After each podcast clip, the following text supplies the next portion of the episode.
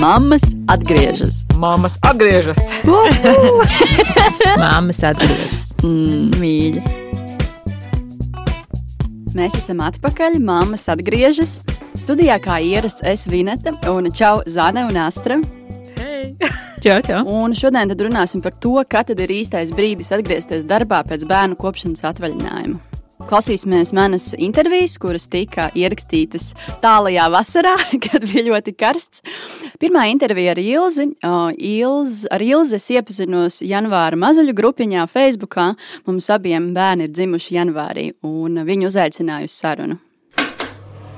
Pirmais, ko es dzirdēju, tu teici, ka uh, nedēļu, nedēļu pirms dzemdībām tikai beidzas strādāt. Vai tas ir saistīts ar šo likumdošanu? Tu minēji, ka tu strādā priekš Jā. citas valsts. Jā, ļoti labprāt pastāstīšu. Ļoti interesanta tēma, kura, protams, es pieslēdzos tagad, kad man ir bērns. Tā es tikai vēroju kolēģus un domāju, kā viņiem iet un ko viņi dara. Bet tā tad fiziski mans darbs atrodas Latvijā, bet tā kā tāda man, mans darba vieta ir vispār Brisele. Nu, tie, tur es maksāju nodokļus un tā tālāk, respektīvi, viss ir kā Briseles likumdošana. Um, dekrēts ir 20 nedēļas no brīža, kad tu aizēji dekrētā. Uh, tas laikam tur bija kaut kāds. Nevar būt agrāk kā sešas nedēļas pirms dzemdībām, respektīvi, nu, gaida, ka tu strādās līdz pēdējiem, pēdējiem.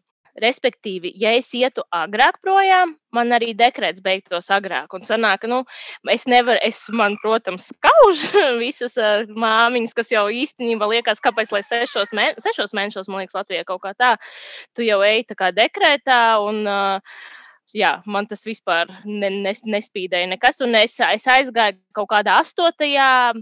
8. janvārī, man bija pēdējā darba diena, jo man jau likās, ka nu tūlīt, tūlīt būs, bet beigās vēl uh, bebīte piedzima 20. janvārī. Un es jau tagad domāju, ai, vajadzēja vēl ilgāk, un tad es arī mājās mazliet to nedēļu ilgāk pasādātu. Mm -hmm. nu, Mhm. ko tur Jā. nu vairs?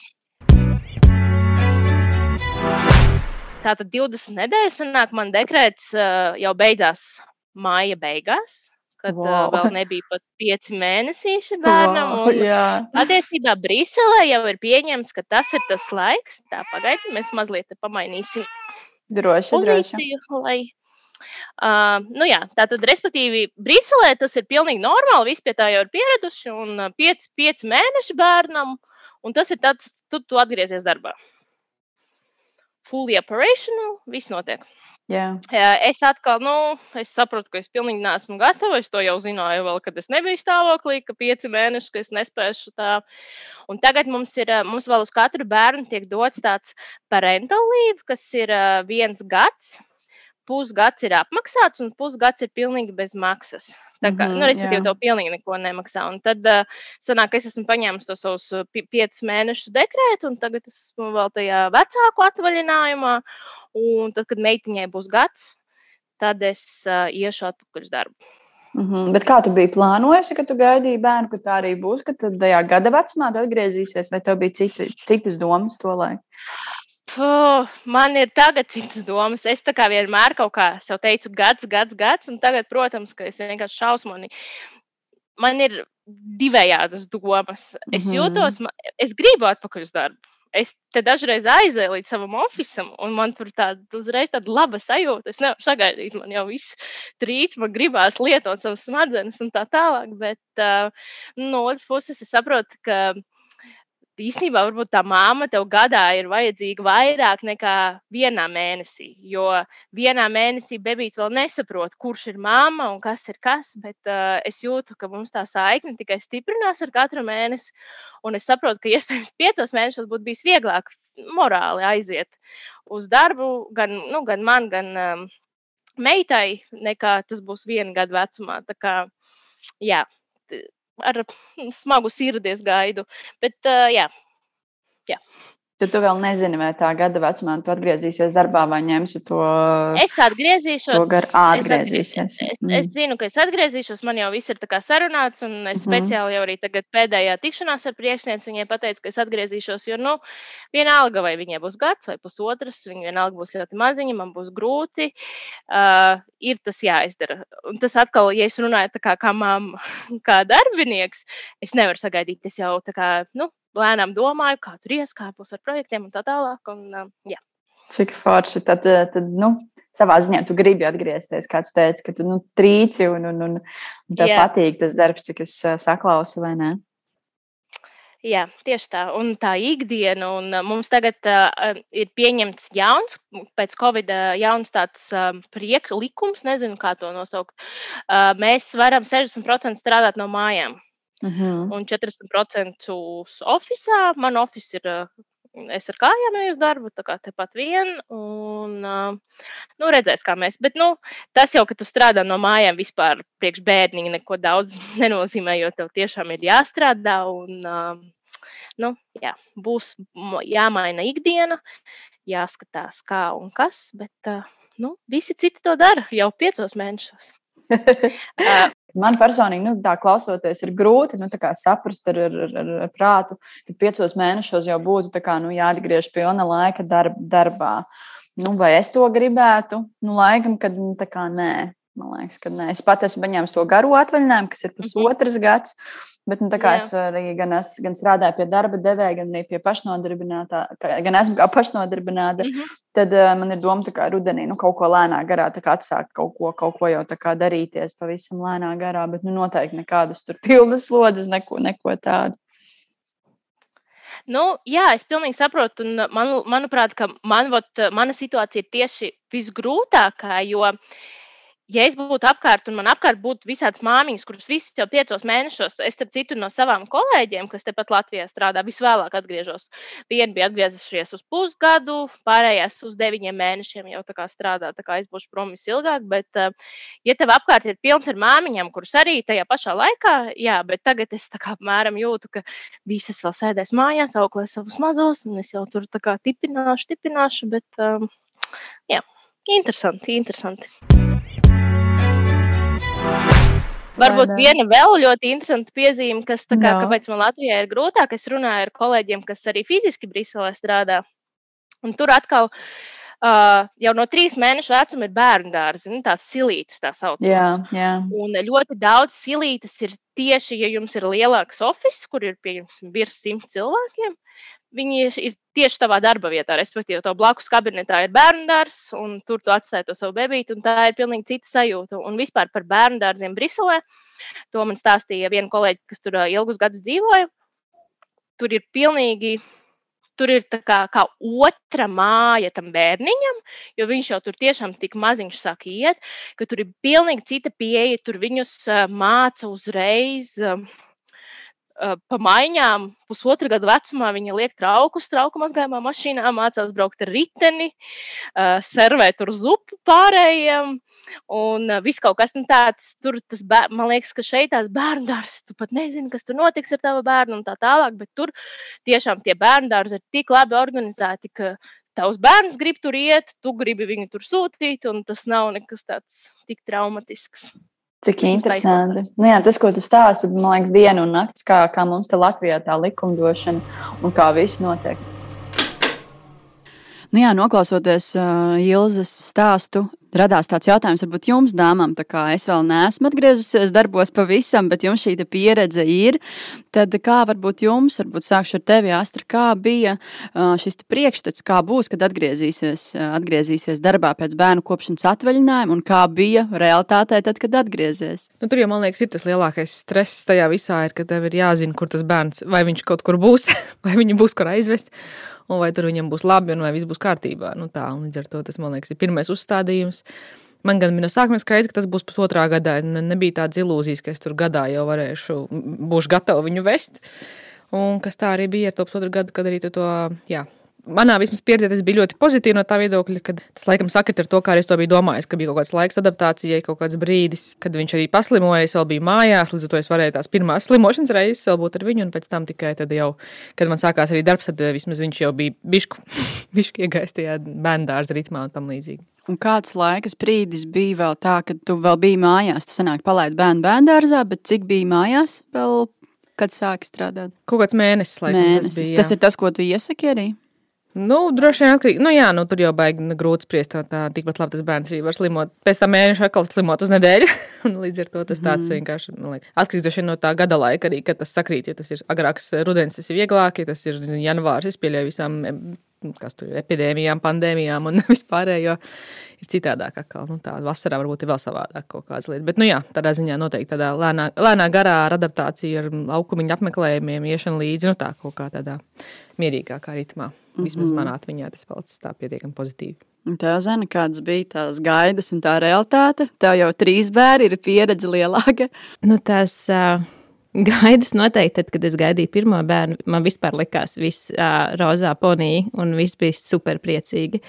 Realitāte viņa atšķīrās, bet uh, līdzīgi kā Astrai, man uh, nebija domas par to, ka tas būs pēc gada vecuma. Es to biju ieplānojis, kad bija gads un četri, pilnīgi visiem bērniem.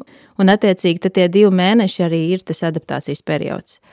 Kuram bērnam tas ir vieglāk, kuram tas ir grūtāk. Man visiem sanāca rudenī, attiecīgi visas slimošanas un vispārējais. Protams, māmām ir jārēķinās arī, ka tas būs dārgāk uzsākt tās dārziņa gaitas pirms pusotra gada vecumā. Tas mm, ir jāapmaksā pilnā apmērā pašām, jo nav nekāds līdzfinansējums. ā, Bet dārziņi daudz ir arī privātie dārziņi, viņi ir pretīm nākoši un ir gatavi tur samazināt varbūt dienas naudu vai kaut kā savādāk. Tāpēc man ir bijusi diezgan pozitīva pieredze ar dārziņiem, negatīva pieredze ar raudošiem bērniem dārziņā, bet tas laikam ir pilnīgi visiem mājas bērniem. Tad, kad intervija tapa vasarā, tad, protams, sešos mēnešos es nebiju gatava vēl viņu atstāt kaut kur un doties darbā, pilna laika darbā. Uh, šobrīd, nu jau tuliņās Emīlam būs gads, un uh, es jau, protams, domāju par to, kad būs jāatgriežas un kā. Man uh, darbā būtu jāatgriežas vasaras sākumā, un tas vidū, vasaras vidū, un tas tāds nepateicīgs laiks, manuprāt, līdz ar to. Mm, Teikšu atklāti, kā ir. Mm, Visticamāk, man ir aizdoms, ka man nebūs kur atgriezties. Tāpēc es domāju, ņemt visticamāk bezdarbniekus divus mēnešus, un tad rudenī vai nu meklēt darbu, ja darba devēja, vai nu attiecīgi pastrādāt uz sevis kaut kādu brīdi. Un tad sanāk to, ka rudenī Emīlam būs jau vairāk nekā pusotras gads. Ļoti ceru, ka nu, man nav cerības, ka tiksim valsts dārziņā. Visticamāk, ka nē, man pie mājas ir bērnu dārzs manā pašā mājā, pirmajā stāvā. Tā kā ir doma viņu ar liftu, ar liftu nolaist lejā un atstāt tur, tā kā ja viss sakritīs. uh, Nu, lūk. Dāmas, kā jūs domājat, uh, ko nozīmē darba devējam, ja šī te darbiniece, māma atgriežas darbā piecos mēnešos, kad bērnam ir pieci mēneši un, piemēram, gada vai pusotra gada vecumā, vai darba devējam tas kaut ko maina? Astra, kā tu domā? Es neesmu bijis tādā situācijā, līdz ar to man grūti ir spriest, kā tas varētu būt darba devējiem. Bet nu, tas droši vien atkarīgs, man liekas, te drīzāk jautājums tām mamām par to, nu, pat nevis par to sajūtu. Ja tu vienkārši, varbūt, ja tu pierodi, vai tu zini, ka tā sistēma tāda ir, tad droši vien tu uz to fokusējies, un tu arī īstenībā ļoti nu, pieņem to situāciju, kad viņa tāda būs. Bet es saku, tur man liekas, aklietas par to, ka, kā Ilzē bija piemērs, ka nu, tev ir tas eh, atbalsta sistēma pietiekami spēcīga un, eh, un droša, ka tu zini, ka tur vai nu viņš tas bērns pirmkārt ir blakus, vai ka viņam ir skaidrs, ka viņam tur ir personas, kas viņu pieskata nu, ļoti uzcītīgi, nevis ka viņš ir viens no tur 20 zīdaiņiem, kas tur vaļājās kaut kur pa to telpu vai kaut kā tā. Tā kā man liekas, tas ir ārkārtīgi būtiski, jo es pat nespēju domāt, kas ir ar barošanām, jo tā kā man liekas, tas, tas vien izsit jau no ritma, ja tev ir ik pa, nezinu, nu, 5 mēnešu bērns tāpatās, viņš vēl ēd. Gan, ja viņš ēd, nu jā, viņš ēd pienu. Līdz ar to Tad viņš ēd pienu? Nē, nē, es domāju, varbūt ir jau, var jau sākt piebrot no tur četru mēnešu puses, Jā, bet, jā, jā, jā. bet, nu jā, līdz ar to, nu, es domāju, ka viņš ēd diezgan regulāri, ka tas nav tā, ka tu viņam var no rīta un vakarā iedot. Varētu būt, ka viņam ir jābūt ļoti tuvu, lai vispār spētu viņu pabarot, un arī tev kā mammai, līdz ar to ik pa trīs stundām, četrām varētu būt, kad ir vajadzība vienkārši viņu pabarot, nu tā. Jā, es piekrītu, ka tas ir laikam tā emocionāli, ja tu esi nobriedis tam vai gatavs bijis tam, tad ā, tad varbūt ir vieglāk. Bet nu, atkal ir stāsts par to, kāda ir bijusi varbūt tā dzemdību pieredze, kādas ir bijis tas pēcdzemdību periods, vai tam bērnam viss ir kārtībā, varbūt viņš tajā brīdī iziet, nezinu, kaut kādas pret tonusu, peldēšanas vai kaut ko citu, un attiecīgi tā mamma nemaz nevar pilnvērtīgi pievērsties astoņu stundu darbam. Man liekas, ka vispār ļoti svarīga tēma ir tas, kā darba devējs gan tajos piecos mēnešos pielāgojas mammai, kur ir arī darbiniece, gan arī tajā pusotrā gadā, kā viņš spēja pielāgoties tai mammai, kur ir arī darbiniece. No darba devēja viedokļa, es domāju, ka tas ir ļoti forši, ka tev pēc pieciem mēnešiem atnāk atpakaļ sieviete, kurā palielam nav izkritusi no aprits. Viņa turpina darīt to pašu, ko viņa darīja. Viņa neko nav daudz nokavējusi tas ir tāda garāka slimības lapa vienkārši bijusi un viss. Nu, es varu padalīties varbūt ne gluži ar savu pieredzi, bet savu, savas kolēģis pieredzi. Manā komandā bija tā, ka kolēģi atgriezās darbā. Es tik neatceros, cik bērniņam bija mēneši, bet nu, gads noteikti nebija. Bija kaut kādi nu, varbūt 7, 8, plus mīnus. Um, no darba devēja skatu punkta. Darba devējs pats gribēja, lai viņi ātrāk atgriežas. Un, uh, es uzskatu, ka darba devējiem šeit svarīga ir elastība. Cik tas darba devējs ir elastīgs, attiecīgi, tad te būtu jānodrošina gan iespēja strādāt no mājām, gan no jebkuras citas vietas, vai tas ir birojas, kafejnīca, uh, vai tikpat labi pastaigā ar ratiņiem. Parks, jā, tieši tā. Uh, šis ir, manuprāt, viens no tādiem priekšnosacījumiem. Bet te es atkal skatos uz to, ja šī mamma, jeb darbiniece ir pieprasīta, nu, tad darba devējs varbūt iespējams darīs visu iespējamo, lai nodrošinātu šo vidi, lai viņi var strādāt. Bet vidējais aritmētiskais darba devējs Latvijā diez vai būs tik elastīgs, lai vispār nāktu pretī sievietei, kurai varbūt ir vajadzīgs no mājām pastrādāt. Arī tam pusotrgadīgajam bērnam viņš saslimst Nu, tad ir jautājums, vai tu ņem obligāti slimības lapu, vai tu strādā no mājām, vai kā savādāk. Nu, te man liekas, atkal kārtībā reizi jārunā par to komunikācijas sadaļu. Nu, kad ir ļoti daudz lietas, kuras to atrakstīt visādos noteikumos, likumos un vēl viskur citur. Nu, jo likumdošana arī paredzējuši, tās ir jābūt tam stundām, ne pauzēm, barošanai paredzētajām un tam līdzīgas lietas. Bet Es neesmu tik kompetents šajā jautājumā, bet man liekas, ir par tādu komunikāciju. Jā, ja tu zini kaut kādas lietas, ko tu gribi, lai tā darbinieci izdara, tad tieši tā tu varbūt tās neprasa no viņas tur astoņu stundu darba dienu, neatejot no kases, ja, bet, eh, bet nu, tas ir kaut kādas lietas, kur viņas tā kompetence pievienot to vērtību un kur tev viņu vajag, vai tie zvani, kuros vajag, lai viņi piedalās, un, eh, un kaut kādas lietas, kas ir tehniskākas, kuras var izdarīt, varbūt kāds cits, kas ir, nezinu, asistējošākā matā, nu, kaut kāds tāds, kas nav. Viņai jāsēž un kopija paste kaut kas jādara, piemēram. Te varbūt arī varam paskatīties uh, no bērna skatu punktu, jo rekur arī Ilzas teiktajā izskanēja, ka tad uh, tam bērnam vairāk vajag to mammu, vai tas ir vienā gadā, piecos mēnešos vai vienā mēnesī, kur ir tā atšķirība un cik viegli vai grūti ir mammai aiziet, piemēram, uz to darbu. Ja, piemēram, es paskatos uz sevi, es jau diezgan ātri uh, sāku kaut kur doties, vai tas, piemēram, tas pats veikals. Līdz ar to šobrīd man ir pavisam viegli atstāt, nu, piemēram, vīram savu mazo. Mm, bet te varbūt paskatās uz to, ja tu to novilcini uz ilgāku laiku, piemēram, nekad nekur savu bērnu atstājis līdz tam gadam, pusotram. Nu, pēc tam tas bērnu dārzs iespējams varētu būt tāds nu, šoks tai mammai, kā tad es viņu tur atstāšu tagad kādam. Es atceros, ka tad, kad man bija pusotrā gadā jāsāk iet ar pirmo bērnu uz darbu, tad es domāju, kāpēc šī brīdī, kad bērns ir kļuvis par funkcionālu radībiņu, man ir jāatgriežas darbā. Jo tajā pusgadā viņš laikam nav spējīgs ar tevi komunicēt, bet pusotrā gadā viņš jau sarunājas, viņam jau ir viedoklis, jūs jau varat kopā kaut kur iet. Uh, ir beidzot tiešām funkcionējoša dzīvības forma, nevis nesājama dzīvības forma. Un, uh, un tad tev viņš ir jādod vienkārši citiem cilvēkiem audzināšanā dārziņā. Nu, es, man bija ļoti liels pārdzīvojums tieši par šo tēmu. Arī, arī tas, bet arī tas, ka es, es atceros arī to, ka es. Uh, Eh, piefiksēja, ka, nu, teikt, ka bērngārzā viņam tās, nu, es nespēju nodrošināt tik daudz un dažādas aktivitātes noteikti mājās, kā bērngārzā. Nu, respektīvi, nu, ka tur viņi tik daudz ko, visu kaut ko interesantu dara. Bieži vien, ka es noteikti kā mamma, kurai vēl tur fons ar māju, to un to un vēl kaut ko, kad es nevaru izdomāt katru dienu jaunu veidu, kaut kādas tur zaķīšas, kaķīšas un veidus, kā viņus līmēt vai, nu, griezt, nu, griezt vēl nē, bet, nu, kaut ko, kaut ko tam līdzīgi darboties. Tā kā, nu, kad es sapratu, ka Jā, arī tā pilnā diena ir, protams, kaut kas nu, ļoti garš posms eh, no tā viedokļa, ka man ir jābūt darbā, bet no otras puses, sakal, kad ir kaut kādas tās stundas, dažas, kur viņš var dabūt, man liekas, ļoti daudz to interakciju ar tiem citiem bērniem, vai vismaz kādas tādas lietas, ko tu nevienmēr mājās, nu, labi, atkarīgs no mamām, droši vien, kas ir super radoši, varbūt, nu, var izdomāt, bet nu, katru dienu kaut ko citu izdomāt, plus vēl lēšana, plus vēl kaut kas, nu, varbūt tās tas nebija tā. Es sapratu, ka viņam bērnārzā ir noteikti daudz, nevis daudz interesantāk, bet nu, arī interesanti. Līdz ar to, kas bija mans arguments, mierinājums sev pašai par to, kāpēc viņš tur ir jāved. Ilzas sarunā arī izskanēja tēma attālinātais darbs, par to mēs klausīsimies vienā no nākošajām sērijām, bet tagad klausieties nākamo sarunu. Saruna būs ar Leldi. Lelde, var teikt, ir mana kaimiņiene, viņa arī dzīvo Ādažos. Un tad, kad ar viņu vasarā runājām, viņai bija vēl pavisam maz bērniņš, divi ar pus mēneši.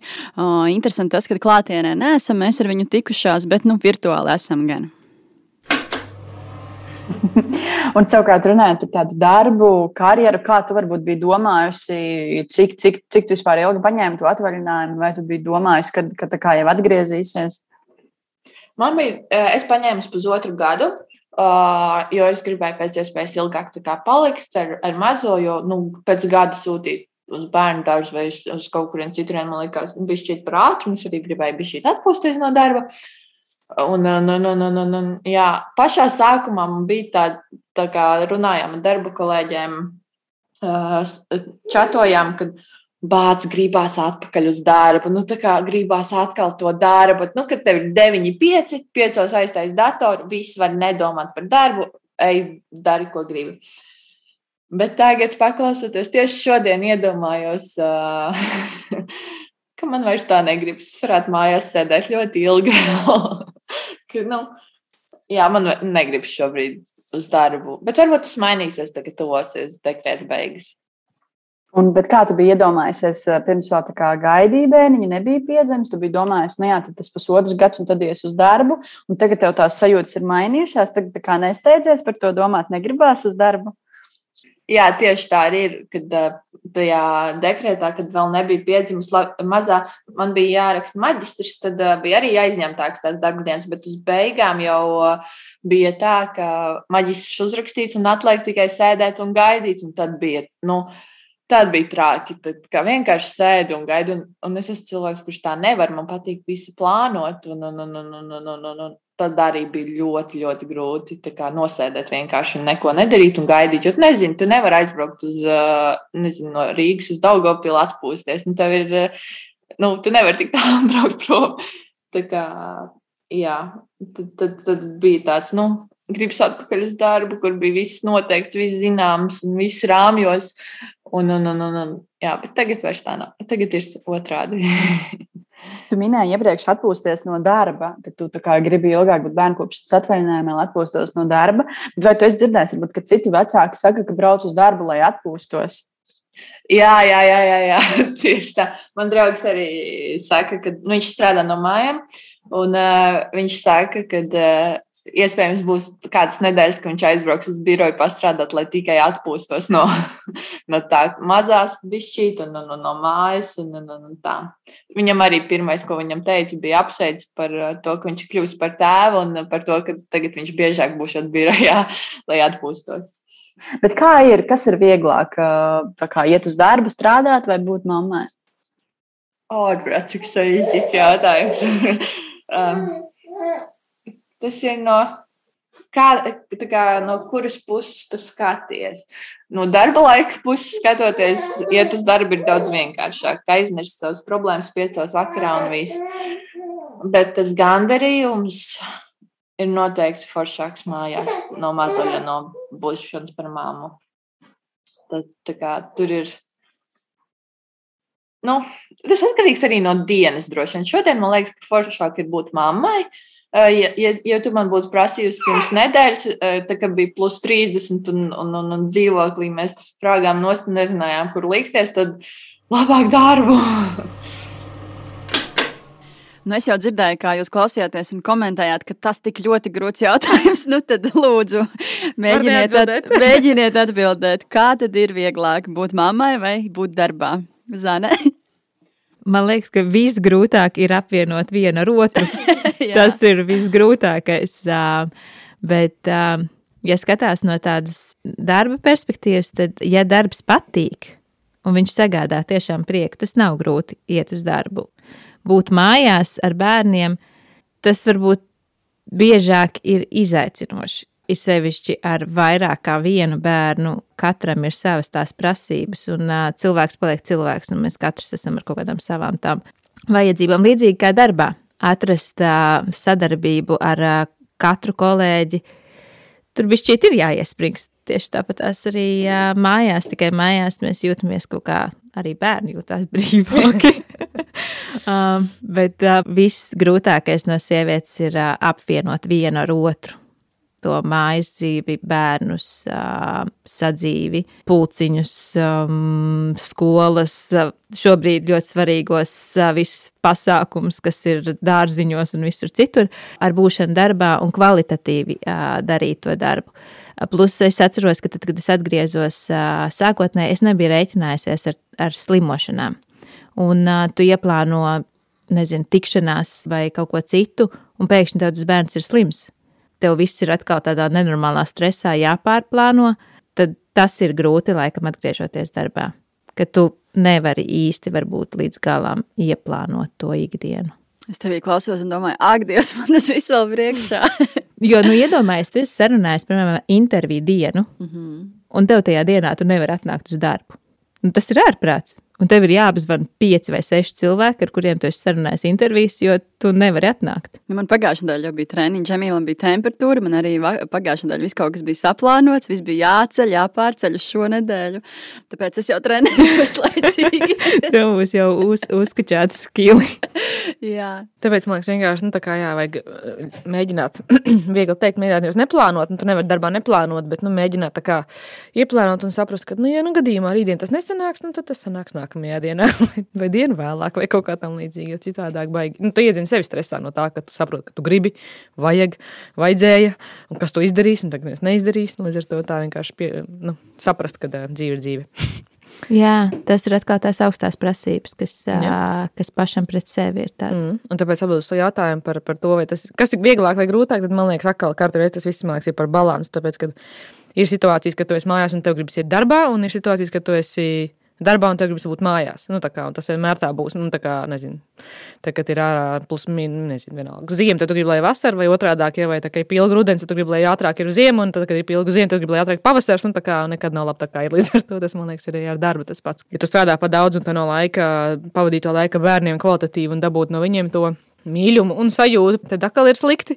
Un, ja atkal savukārt tu esi laik mājās, un viņi ir slimo un čīkst, un vēl kaut kas, tad atkal tev liekas, ka aiziet uz darbu, un tur būtu viss tik skaidrs un konkrēts un saprotams, un nebūtu nekāda liela čakarēšanās ar tiem mājas kaut kādām lietām, kur, kur tu nevienmēr tiec galā. Un tā kaut kā.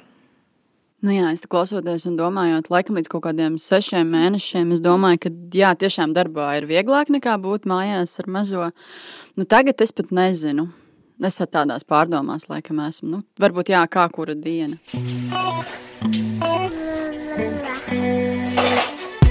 Māmas atgriežas. Māmas atgriežas.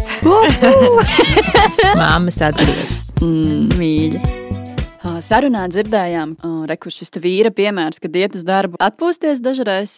Kā jūs, dāmas, domājat no darba devēja skatu punkta? Ja, nu, piemēram, mamma vai tētis visu nakti nav gulējis, bērnam ir bijusi, piemēram, temperatūra un atnāk uz darbu, nu, atpūsties, piemēram. Droši vien tas tāds grūti atbildams jautājums, jo es neesmu darba devējs.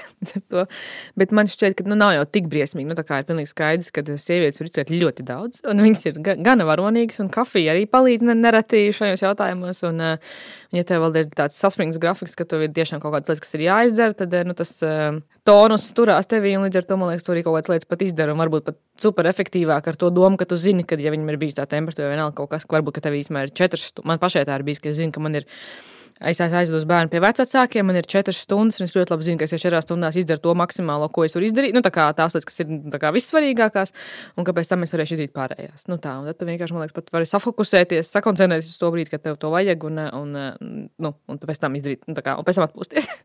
Cik neatpūsties, tā kā es nezinu, kā tas strādā, vai tas vienmēr tā ir vai nav. Es saklausu, ka tu aizstāvi jaunos vecākus. Nē, nē, nu es neaizstāvu tik ļoti, cik, eh, cik nu, vienkārši domāju, ka tāpat uz to darbu nevar aiziet, beigās atpūsties. Nu, tā kā, ne, tu vari, protams, tur pagulšņāt, es nezinu, vēl kaut ko dzert kafiju ar vienu, ar otru un ar trešo, bet, nu, šā kā tā, kaut ko jau tu droši vien izdarīsi, tā pieļauju.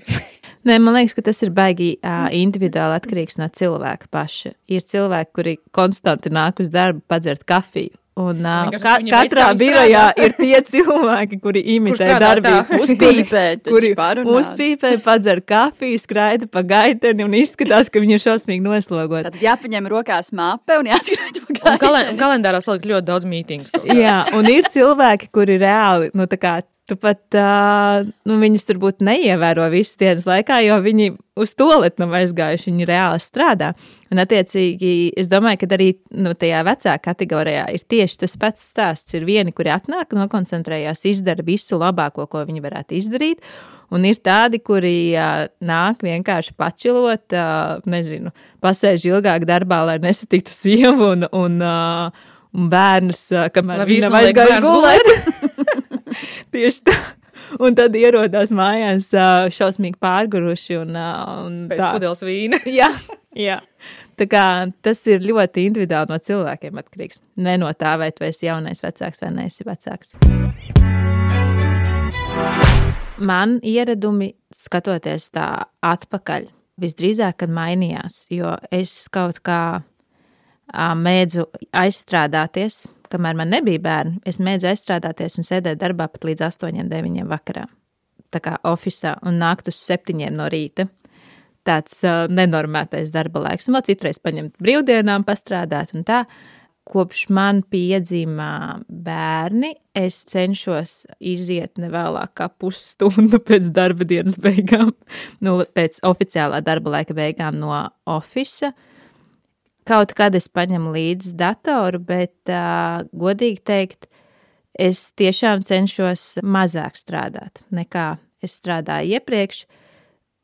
Bet taisnība labi, jāsaka, ka man arī darba devējs nekad virsstundas nav apmaksājis. Tāpēc, tāpēc es uh, noziegumu pret darbu uh, laikam neizdaru. Man liekas, labāk, nu, tā kā vienmēr tu vari jā, vēl 15 minūtes, un vēl 15 minūtes pastrādāt, jo gribās paveikt to un vēl šito. Bet uh, es nezinu, vai man baigi mainījās, jo man tas darbs ir tik ļoti, nu, tā kā viņš ir, zin, kā projekta veidīgs, līdz to tur ir kaut kādas lietas, kas ir sanāk vienā brīdī sakrīt daudz kas, un tad tev neatkarīgi no tā, vai tev ir vai tev nav bērni, tev tās lietas ir tā kā jāmēģina izdarīt.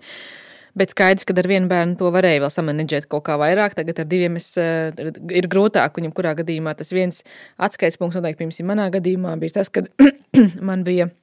Un te viņi aizņem no bērnās. Līdz ar to tu vienkārši fiziski nevari, nu, tā kā man vismaz manā gadījumā, uh, tu nevari vienkārši aizsēdēties darbā tik ilgi, vai arī tu vienkārši ej un dari kaut kādas lietas pa telefonu vēl līdz bērnām, vai nākot mājās no bērnās, vai kaut kā tam līdzīga.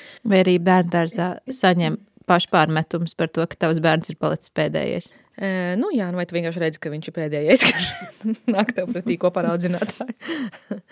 Kādreiz, kad es uh, reiz senāk uh, strādāju par zvanu centra vadītāju, tad uh, mans vīrs vienmēr smējās, ka es pat ballēties nevaru aiziet, jo man zvanīja, tā kā mums uh, servisa nodrošināšana ir uh, 24-7, tad uh, man zvanīja arī naktīs. Uh, Nezinu, trijos naktī un prasīja, ko man darīt šajā situācijā no zvana centra vai kaut kā tam līdzīga, vienkārši meitenes netika galā. Viņām nebija idejas, ko darīt tādā situācijā. Noteikti, ja es šobrīd iedomājos uh, sevi ar trīs bērniem, es izslēgtu telefonu, kurš man varētu iezvanīties trijos naktī. Es noteikti neparakstītos ne uz ko tādu šobrīd. Tajā brīdī, kad man bija 25, man likās pilnīgi ok, ka man zvana naktīs. Nu, tas, ko es domāju, nu jau sen es, es esmu sapratusi to, ka man nebūs tāda iespēja darīt tik daudz, cik es iepriekš darīju, jo man ir bērns. Būs Un- un... iespēja, tad taču kādreiz būs arī 50. Es domāju, tuvāko nu, kaut kādu divu gadu laikā. Visticamāk, ka nebūs šāda iespēja. Tāpēc es saprotu to, ka viens, uh, es varētu kādu laiku, iespējams, nestrādāt pie darba devēja, ko es redzu, jo tad es varbūt varētu kaut kādā veidā, varbūt arī sev laiku atrast. Nevis būt tikai tā, ka rekur pa dienu ir darbs, tu močī, močī darbā, tad atnāc mājās, močī tur, un tad vispār tu neesi. Nu, jā, jo tu nezini pat, kad aiziet pie manikīra. Bet, Jā. tad, kad tu strādā sev, un ja tev parādās ļoti daudz lietas, ko darīt, tad atkal tu nevari saprast, saku, ka tas nē. nav. Ah, okay. Bet, ja es strādāju pie darba devēju, vienkārši man tā vienmēr ir bijis, ka tas saucamais darbu sarakstu dūlists ir vienkārši nebeidzams. Tas ir tas vāveres ritenis. Vienmēr uzņēmumam ir šie mērķi, gada ceturkšņa un tā tālāk, kur ir jāsasniedz, un tev ir tas nebeidzamais ritenis. Tāpēc es tā domāju, nu, Bet varbūt... tev tavām lietām nebūtu vāveres ritenis, ja tu izdomā tur vēl to, to, to, to, tur tāds paustiņš, šitais, vēl šitais, vēl tāda kursiņa, šī tāda kursiņa, tas jau varētu pārvērsties par nebeidzamo darbu sarakstu. Bet tad es to ietekmēšu, nevis kāds man diktēs. Kas man ir es piekrītu Vinetē, ka vieglāk ir pateikt uh, savā sarakstā, man tagad vajag laiku sev, nekā darba devējiem pateikt, stop, tu man krāmē jau pa daudz. Mm Mhm. -hmm. Man liekas, ka jā, tas ir bijis šī tā vieglāk ieplānot dienas vidū sev frizieru apmeklējumu, nevis uh, darba devējiem pateikt, zini, es tagad uh, aiziešu uz trīs stundām pie friziera. Bet nu, tagad jau arī, man liekas, arī, nu, tas ir tas, kā reiz, tas arī modelis, kas šobrīd strādā par to hibrīdo strādāšanu, arī, ka tu vari strādāt jebkad, jebkur, tu vari to savu darbu izdarīt, kas nozīmē to, ka teorētiski tu varētu varēt aiziet pie friziera 9 no rīta, piemēram, un strādāt līdz 7. Nu, tā Kur, kā, un, kur, kur tad es likšu to bērnu? Nē, nē, nu, tas nav par konkrēti par bērnu, bet tas par to, ka vienkārši tas modelis potenciāli, nu, kad tas ir par to, ka tu vari to darbu sabalansēt arī pie darba devēja. Nu, kad šobrīd arvien vairāk uz to iet, jo tas ir par to darba dzīves balansu. Un, ja darba devējs grib, lai tu esi kaut cik apmierināts, un ja tev ir manikīrs, tad eh, tas nav tā, ka tev ir jāvēlt mēnesī vienu sestdienu tikai tam vienkārši, lai spētu apmeklēt visas skaistuma kopšanas procedūras, bet ka tu to vari izdarīt, nu, kaut kā sabalansēt kopā arī ar darba dienas kaut kādām. Astrai ir ļoti pozitīva pieredze. Ļoti poz- pozitīva. Nē, man nav, es vienkārši domāju, ka tā vajadzētu. Tā vajadzētu būt. Vajadzētu- es tev Bet, vajadzētu redz, mums varētu ā, varbūt nākamā aptauja mamām par to, cik ļoti viņas spēja darba laikā sabalansēt savas kaut kādas privātās lietas ar darba laiku. Vai darba devēja tiešām ir atsaucīgi. Jo man bija radies priekšstats Covid laikā, kad jā, darba devēja varbūt atvērsies šim, kad uh, tu vari darbu darīt uh, arī vakarā, naktī, no rīta. Mēs arī Astras intervijās dzirdējām, darbs piecos no rīta, mm -hmm. Covid laikā tas ir pilnīgi ok. Bet man liekas, ka šobrīd atgriežas atpakaļ tā sajūta, ka oficiālā no 9 līdz 5 nesolis pa labi, nesolis pa kreisi. Āstra, tev kādreiz ir bijis tā, ka tu kaut ko dari ar bērnu, un tad tu piefiksē sev, o, šo es jau iepriekš biju darbā iemācījusies, un tagad es tieku galā ar bērnu. Tāpēc. Nekas man tāds jēdzīgs prātā nenāk. Bet plānošana. Nu, ja tas ir iemācījies darbā, es domāju, ka es ne, neiemācījos darbā, to es iemācījos jau iepriekš, agrāk. Nu, arī. Nu, jā, bērni jau nepiedzimst 15 gadu vecumā mums. Man laikam pat vairākas lietas jau var padalīties. Nu, viens ir tas, ka darbā dažreiz viss besī, un tad tu saņem, saņem sevi rokās, lai nepasūtītu visus uz, uz vienu burtu. Tāpat arī ar bērnu, nu, kad tu saņemies un nepacēl uz viņu balsi vai nedod Dievs, ne, nenodari viņam kaut ko. Nu, kā, nu, tas, ka tu esi nu, adekvāts, tas noteikti. Tāpat arī kaut kādā ziņā laika plānošana. Nu, kad uh, es jau, es jau galvā sarēķinu, kas man dienā ir jāizdara. Mm, Kas vēl tāds, nu, jā, tā stresa noturība, tā laika plānošana. Un kas vēl? Es nezinu, vai šī būs jēdzīga lieta uh, priekš darba. Darba devēja noteikti neteiks, ka tā ir jēdzīga lieta. Bet, uh, kad ir trīs bērni, tu iemācies nedzirdēt. Man liekas, ka arī tik forši fiška tā ir. Izklausās Vienkārši nedzirdēt. Jā, šeit bija ļoti daudz jautājumu. Paldies, dāmas. Es klausījos, un, un man arī daudz pārdomas būs. uh, Bet, ja kādam no jums, uh, klausītājiem, ir kādi komentāri vai viedoklis, tad droši rakstiet, komentējiet. Bet tagad klausāmies nākamo interviju. Par darbu, jā. Uh, kad tu plāno atgriezties darbā, un arī tad, kad tu gāji atveļ, dekrēta atvaļinājumā, vai tev kaut kas mainījās arī šajā ziņā? Varbūt tu biji domājusi, kad atgriezīsies ātrāk, varbūt ir kaut kas mainījies šajā ziņā. Uh, jā, uh, vispār man patīk mans darbs ļoti, uh, bet uh, jāstrādā ir dikti, dikti daudz. Un, protams, kad ejot dekrētā, es domāju, tad es iešu atpakaļ uz darbu un nu, strādāšu tāpat. Bet tagad, kad bērniņš ir nācis pasaulē un es reāli redzu, kā ir ar, būt, būt ar bērnu uz rokām, es saprotu, ka darbā atgriezties man būs visnotaļ noteikti sarežģīti, tāpēc, ka es nevarēšu strādāt vairs fiziski tik daudz, kā es strādāju iepriekš. Un tas, protams, arī ir jautājums, ar ko jārunā būs, par, par ko jārunā būs ar darba devēju. Taču šobrīd uh, man ir nākusi prātā viena ideja, kas nāca prātā tikai pēc meitiņas piedzimšanas uh, par savu mazu biznesiņu. Ir arī ideja, uh, ko es šobrīd paturēšu noslēpumā, jo tai vēl ir jātīstās.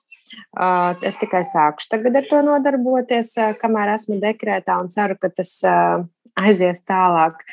Un tad es domāju, ka es darbiņā neatgriezīšos. Uh, bet, nu, jāskatās, protams, vēl ir daudz laika līdz nākamā gada beigām, kad man reāli būtu jāiet darbā. Jāskatās arī, kā meitiņa izstāvēs rindu bērnu dārziņā, kad viņa tiks. Uh, tas arī ir svarīgs tāds aspekts. Uh, nu, jā, jāgaida īsāk sakot, ir kā notiks tālāk, bet eh, es domāju, ka eh, es gribu darīt kaut ko tādu, kas man patīk, un tā mana ideja arī ir saistīta ar um, kaut kas priekš bērniņiem. un tāpēc es ļoti, ļoti ceru, ka man izdosies to īstenot, un es varēšu darīt kaut ko tādu, kas man sniedz ļoti, ļoti lielu laimi. Cik lieliski ceru, ka tev izdosies šis savs bizness. Paldies! Uh, Tikko dzirdējāt interviju ar Simonu, ka Simonai bērnu kopšanas atvaļinājuma laikā radās pārdomas par savu darbu, vai tas patīk, nepatīk. Un īstenībā tas ir, manuprāt, pavisam normāli, ka šajā laikā, kad tu mājās ar bērnu, tev ir laiks domāt par to, kas tu esi, kas tu gribi būt, kas tev patīk, padodas, kas tev talanti, vai tu gribi vai negribi atgriezties savā iepriekšējā darbā. Un par sevi runājot, es arī esmu šeit. es arī par to domāju, un tieši vakar man bija saruna ar karjeras koču, lai cik tas dīvaini neizklausītos. Un es arī jau sāku gatavoties tam rudenim un domāt, un domāt plānu A un B, ko man iesākt attiecīgi ar sevi. Jo es arī jau esmu uzrakstījusi uz papīra, kādas lietas vairāk negribētu darīt tieši darbā, kas man patīk, kas man nepatīk, ko es varētu darīt. Man, ja godīgi, vēl īsti nav tādas nojausmas. Es arī esmu divas reizes papētījis darba sludinājumus, tur nekā īsti nav tāda, ko es varētu darīt. Uh, Un, um, ja godīgi, es pat uh, nu, šodienu nezinu, ko es, ko es darīšu tajā rudenī. Nu, tādas man tās pārdomas, uh, dāmas kā jums, Astra. Jā, nu šis ir laikam tas brīdis, kad tev ir vairāk laika, um, esot vai nu stāvoklī, vai nu pēc tam ar bērnu, ka tev nav tā ikdiena tajā darba dunā, bet, uh, bet tādā mm, cita veida dunā. Eh, padomāt jā, par sevi, nolikt sevi kaut kādā vien, prioritāšu sarakstā un par to, ko tu gribi. Un, eh, man liekas, tas ļoti bieži nereti sanāk kopā tieši ar to, ka tu saproti, ka tas bērns ir piedzimis, ka viņam tā uzmanība ir vajadzīga un ka tas laiks tavs eh, vairs nevar tikt izlīdz tikai un vienīgi darbā vai tavos hobijos, bet nu, ka viņš ir kaut kur jādala un ka tu gribi saprast, jā, kā vairāk kontrolēt, dabūt kontroli par savu laiku. Um, atceroties, kā man bija, tad nu, noteikti man arī tieši tāpat bija kaut kādas pārdomas par to, ka ir kaut kas jāmaina, bet man pat tā sajūta drīzāk bija no tā, ka man gribējās mainīt, tāpēc, ka man likās, ka es jau esmu pietiekami ilgu laiku. Un kad vienkārši gribās vispār pārmaiņu kā tādu kaut kādā tajā arī nu, darba saturā vai vismaz tajās um, procesos kaut, kādās, kaut kādos. Bet šis pēdējais, kā reizes mans dekrets, arī ir bijis ar tādām pārmaiņām, jo tad es vēl vairāk padomāju par to, ka arī man gribās kaut kādas lietas padarīt citādāk. Un, Es pat arī pamēģināju, kā ir attīstīt kaut kādas lietas, kuras, par kurām man šķiet, ka varētu būt kaut kāda interese tirgu līdz ar to. Nu, tāds, eh, nezinu, vai to var nosaukt par biznesa attīstību, bet nu, kaut kādā tādā virzienā vismaz. Un, eh, un tad, protams, es saprotu, ka tas prasa ļoti daudz laika, tāpatās, un, eh, un gala rezultātā jau tāpat tev kaut kādā brīdī ir jādurās arī pret finansējumu. Un, kā, un tas droši vien ir tas brīdis, tā robeža šķirtne, kad tu sāc domāt kas ir vieglāk un kurā brīdī, vai tev kāds mēneša beigās to naudu ieskait, vai tu pat par viņu visu laiku mēģini cīnīties, ne, bet nu, viņu kaut kādā veidā nopelnīt. Un tad, protams, ka tas ideālais gadījums ir pat kā reiz, kā atkal to dabūt kaut kādā balansā, vai lai tas strādā. Jā, nu man liekas, ka vispār tā grūtniecība un uh, bērnu kopšanas atvaļinājumi, atvaļinājumi, tie nav īsti atvaļinājumi, bet tā ir tāda atgriešanās vai beidzot nonākšana pie sevis, jo tajā brīdī, kad tu esi tādā inercē ar to, kas darbā notiek, ar to Vinets pieminēto to-do listu, tev nav brīža pat pacelt galvu un paskatīties ārā, ka ir uzplaukušas lapas. Bet uh, man personīgi pirmo reizi, kad es uh, redzēju, tiešām, o, oh, tā plaukst lapas pa dienām, bija tiešām tad, kad es biju dekrētā. Tas ir tāds, uh, varbūt citreiz pat sāpīgs atsitiens, kad tu saproti, ka tu varbūt gandrīz 30 gadus esi darījis kaut ko, kas varbūt nebija īsti tas. un, uh, es noteikti sievietēm iesaku pamēģināt tajā dekrēta laikā, līdzīgi kā Vineta, kaut kādus savus talantus atklāt, varbūt, nezinu, pamācīties papildus kaut kādus kursus, neizniekot to laiku, varbūt atrast sev tiešām nākotnes kaut kādu aicinājumu. Nu jā, Bet varbūt arī kādam, sevi. jā, varbūt kādam tas ir. Tu tiešām saproti, ka oh, tas, ko es darīju, man tik nenormāli patīk. Tas ir tiešām pilnīgi Gribu totāli mans. Jā, Ātrāk. jā nu, kā, tur jau nav pareizās atbildes mm. vispār. Nu, darba devējiem šeit man ir jāatgādina, varbūt tā, ka sieviete vai vīrietis atgriežoties pēc bērnu kopšanas atvaļinājuma, nevienmēr gribēs darīt to darbu, varbūt prasīs citu amatu vai vispār aizies projām. Tā kā, lai cik mēs varbūt darba devēji dažreiz domājam, mums ir visas kārtas rokā, un tad mēs noteiksim, ko tad darīsim ar to jauno mammu, kādu amatu dosim vai nedosim. Bet uh, bieži vien ir tā, ka tomēr tā jaunā mamma izvēlas, ko tad viņa grib un negrib, un uh, mēdz būt tā, ka aiziet projām un pavisam pavisam maina karjeru, jo šis pusotrs gads vai gads ir brīnišķīgs laiks, lai pārdomātu dzīvi, karjeru un ko tad gribās un negribās. Jo, ja tā padomā, mm, vai tiešām gribās darīt visu dzīvi to, kas varbūt nesagādā gandarījumu. Vai arī trīs gadi diviem bērniem pēc kārtas. Paturpinot uh, mūsu iepriekšējo diskusiju, uh, saruna ar Arīnu, pavisam neliels uh, intervijas izgriezums. Starp citu, Arīna man laba draudzene un kaimiņiene, un viņa dalo, dalās ar pilnīgi pretēju viedokli. Tas, ko dzirdējāt ar to, ka viņa attiecīgi jūtas parādā savā ziņā darba devējiem un negrib pievilkt darba devēju neatgriežoties darbā.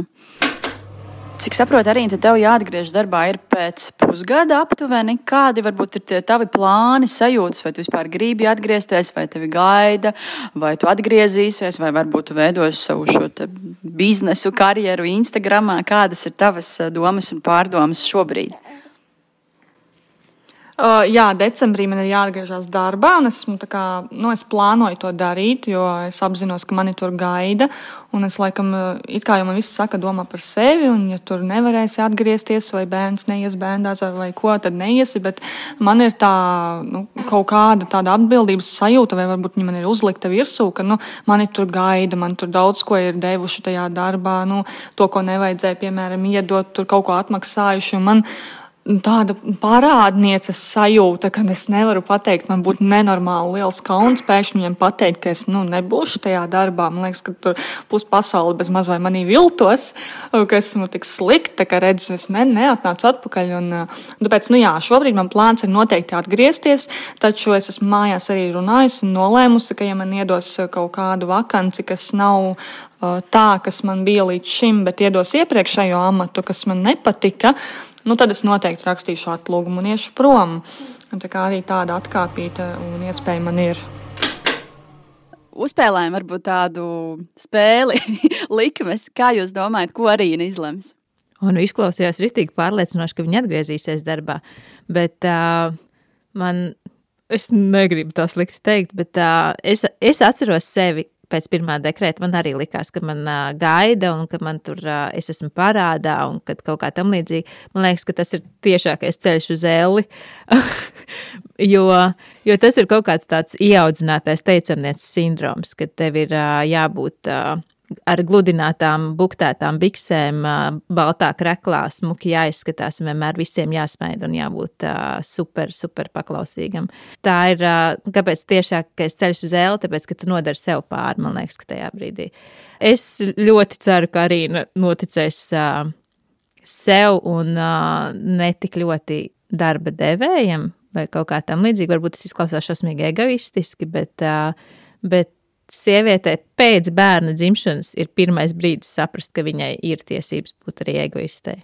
Jā, un tas ir tas, ko es vienmēr iesaku nu, darba meklētājiem, cilvēkiem domā par sevi, nevis par to uzņēmumu, jo tu neesi neaizvietojams. Es tieši nodomāju, ka darba devējiem droši vien arī ir super izdevīgi, jo viņš visticamāk varētu viņai piedāvāt, nu, labi, viņa teica, ka viņa ir kaut kas, uz ko viņa neiet, bet, nu, pa lielam tas būtu e, kaut kas ļoti līdzvērtīgs vai kaut kas, ka visticamāk, kad e, šeit darba devējs var spēlēt tās kārtas ar to, ka tā kā, nu, arī, nu, taču, nu, zinot, ka viņi varētu justies ļoti vainīgi, ja viņi neatnāks, un tad līdz ar to izmantot kaut situāciju un paņemt viņu nu, labi, nevar teikt, uz jebkādu amatu, bet nu, palielam piedāvāt viņai nezinu, kaut kādas lietas, kas varbūt tās, ko citu negrib darīt, ja piedāvāt viņai, apmēram, un viņa būtu gatava to ņemt, jo viņai būtu sajūta, ka viņa ir parādā, nu, kas man liekas, ir pilnīgi uh, nepareizi un kaut kādā, kaut kādā veidā, nu, protams, ja tas tā tiek izspēlēts.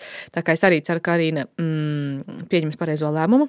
Protams, šajā situācijā viņa arī pati jau noteica, ka tas īstenībā kārts jau ir citur, jo, ja viņai nepiedāvās, tad viņa darīs to, tā kā viņa būs tā, tad būs šitā. Līdz ar to viņa jau ir īstenībā kaut kādā veidā to lēmumu pieņēmusi jautājums par to rezultātu tikai. Jā, un es uzreiz atcerējos, ka man bija kādreiz uh, tiešais vadītājs, kurš redzot, ka es pārstrādājos, un tas man ir īstenībā palicis atmiņā jau vairāk kā 15 gadus. Teica, ka tu neticēsi, bet lai arī cik tu censtos, tad, kad tu nomirsi, vienīgais, ko izdarīs tavs darba devējs, būs atnesīs vainagu uz tava zārka. Ak, lai, arī, lai arī cik tas būtu briesmīgi, bet tas ir neaizvietojami cilvēku nav. Jā, jā. Neviena neaizvietojama mm. cilvēka, kurš šīs zemes nav. Un tu nevari būt parādā kādam, kurš par tevi par to, ko tu jau esi izdarījis, tev maksā naudiņu. Nu, tā kā samaksā mēneša beigās par to, ko tu jau esi izdarījis. Līdz ar to nu, tu nevari būt parādā viņam uz priekšu par kaut ko, par to, ko tu vēl neesi sākus darīt. Jā. Nu, šī bija ļoti interesanta diskusija mums, un uh, bija interesanti klausīties uh, intervijas, kuras bija vasarā. Jau labs laiciņš ir pagājis. Uh, tā kā paldies, dāmas, jums! Um, nākamā epizode savukārt būs par tēmu, ko reāli var pagūt, uh, izdarīt mājās, esot ar mazu bērnu. Un šodien mēs atvadamies līdz nākamajai reizei. Tā! Čau! Tā arī nes tur īkšķus!